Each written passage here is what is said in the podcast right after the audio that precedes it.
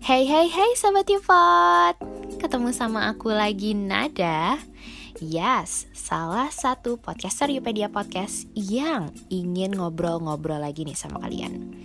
Nah hari ini aku mau ngobrol sama kalian tentang cara menghadapi si dominan. Pasti nih banyak dari kalian yang masih bertanya-tanya kalau dominan yang aku maksud di sini tuh apa sih? Gini gini gini Aku kasih contoh dulu ya Sobat Yupot Mau kita nih sebagai cowok atau cewek Wanita atau laki-laki Ya kan wanita atau laki-laki, pria atau perempuan. Eh kebalik gak sih gue? Ya kayak itulah pokoknya ya. Nah pasti sering banget yang namanya nongkrong bareng, ngobrol-ngobrol iseng dari hal nggak penting sampai hal penting. Yang biasanya sih disebut kalau sama anak-anak zaman sekarang nih ya, ngobrolin obrolan random sampai mendadak deep talk gitu. nah, nggak cuma pas nongkrong aja nih teman-teman, sobat Yupot, tapi pada saat meeting kantor, kerja kelompok, dan masih banyak lagi intinya dalam situasi ngobrol, kamu pasti pernah nemuin satu orang yang mendominasi pembicaraan kalian. Dia adalah seorang yang tidak pernah kehabisan topik pembicaraan dan sering kali memberikan suasana ramai ketika dia hadir di pembicaraan itu. Nah, orang yang dominan seperti mereka ini biasanya tidak pernah peduli mau kalian tertarik atau enggak sama cerita mereka, yang penting mereka ngomong aja. Karena mereka tuh seneng banget dengerin diri mereka sendiri berbicara. Bahkan ada juga nih ternyata Sobat Yupot beberapa dari mereka yang gak sadar kalau mereka tuh ngelakuin hal tersebut tuh udah secara terus menerus, gak ada berhenti-berhentinya karena memang udah jadi kebiasaan mereka dari sejak lama dan mungkin gak ada yang berhasil menghandle sifat dominan mereka ini. Nah, terus gimana sih cara ngehandle orang-orang dominan kayak gini ketika kita tuh udah merasa jenuh banget sama kebiasaan dia ini, sama semua omongan-omongan dia yang gak berhenti-berhenti dan kadang ngejelasin satu hal aja tuh bisa sampai detail banget dan bertele-tele. Duh, udah nyusahin banget deh kalau kayak gitu nih. Nah, makanya nih Sobat Yupot, aku ada 4 tips buat kamu yang mungkin bisa kamu pakai, yang bisa kamu gunain bisa kamu manfaatin nih Sobat Yupot untuk ngehandle orang-orang yang dominan kayak gini. Nah, yang pertama kita masuk ke yang pertama nih. Yang pertama itu kamu bisa sabarkan diri sejenak. Jadi kamu kasih waktu dulu nih untuk diri kamu untuk berpikir, kamu dengerin dulu nih, kamu mencoba untuk menerima pesan-pesan yang dia sampaikan melalui pembicaraan dominannya ini.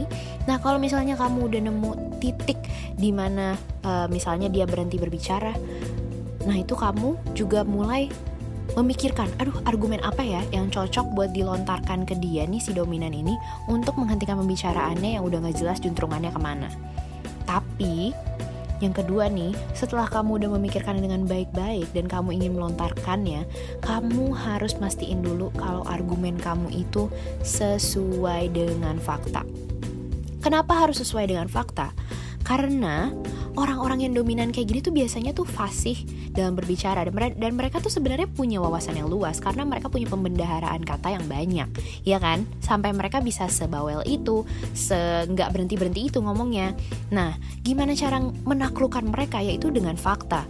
Karena kalau dengan fakta itu biasanya sudah sesuai dengan apa yang terjadi ada kenyataannya ada peristiwanya ada datanya dan tidak bisa dibantah lagi Gitu Sobat Yupot, itu yang kedua Nah yang ketiga nih, kalau misalnya dia masih nggak mau berhenti juga ngomong padahal kamu udah ngasih fakta Nah kamu harus bersikap tegas dan profesional dalam komunikasi Misalnya, kamu pikirkan hal lain. Kamu lihat juga dia ngebahas apa.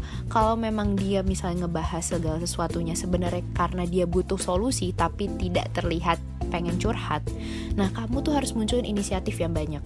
Kayak, oke, okay, kalau misalnya dia ternyata ini sebenarnya curhat tapi terselubung curhatnya, datanglah dengan menyampaikan solusi. Ketika dia mulai membicarakan yang hal sebenarnya tidak ada solusinya, Nah itulah kamu harus datang menjadi orang yang benar-benar punya inisiatif yang aku bilang tadi untuk memberikan solusi pada orang yang dominan ini Agar mungkin setelah kamu memberikan solusi setidaknya dia sudah bisa menghentikan pembicaraannya dan membiarkan orang lain untuk berbicara bergantian dengan dia karena kan yang nyebelin itu ya. Kadang kalau misalnya kita lagi nongkrong bareng kan ada sih satu atau dua orang yang pasti ngerasa dalam hati aduh gue tuh juga pengen cerita kenapa lo doang sih jadinya yang cerita? Gue tuh juga pengen didengerin kenapa lo doang sih? Apalagi cewek-cewek tuh kadang banyak yang kayak gitu ya kan. Nah yang terakhir nih sobat Yupot adalah hindari perselisihan dengan mereka.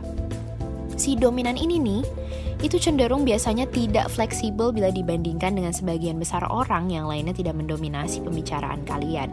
Misalnya, kalian lagi ngobrol ya kan? Nah, kalian tuh harus bisa menyampaikan argumen kalian dengan cerdas. Ya kayak tadi, kayak ngasih solusi, bentuk komunikasi dan lainnya itu tidak dengan menciptakan pertentangan. Jadi nggak terkesan kalau kalian motong banget omongan mereka, nggak terkesan banget juga kalian nggak mau dengerin mereka. Jangan nunjukin ekspresi-ekspresi yang bahkan nimbulin perselisihan dengan, dengan mereka. Karena mereka akan semakin merasa tidak terima dan mereka akan terus ngomong dan mengeluarkan argumennya yang nggak jelas juntrungannya ke mana. Jadi pilihlah komunikasi sebaik mungkin dan hindari perselisihan dengan mereka. Jadi bisa kalian munculin sisi uh, misalnya agreement, persetujuan, sisi kerjasama dengan mereka, atau tetap memunculkan uh, rasa hormat kepada si dominan ini. Jadi kayak tetap menghargai pendapat-pendapat yang dia sampaikan. Gitu sobat Yupot. Nah, sekarang kamu bisa coba nih mulai kamu terapkan ke orang-orang sekitar kamu yang masih dominan yang atau disebut si dominan yang ada di lingkunganmu nih. Intinya semoga berhasil ya sobat Yupot. Dan aku cuma mau nyampein satu lagi buat sobat Yupot yang mungkin masih ketinggalan episode-episode sebelumnya yang belum didengerin nih dari Yupedia Podcast, boleh banget langsung buka lagi dari episode pertama mungkin karena banyak banget info-info menarik yang pastinya selalu disampaikan di Yupedia Podcast ini khususnya untuk para generasi milenial. Oke? Okay? Jadi seperti biasa kita akan bertemu lagi di episode Yupot lainnya. Bye bye.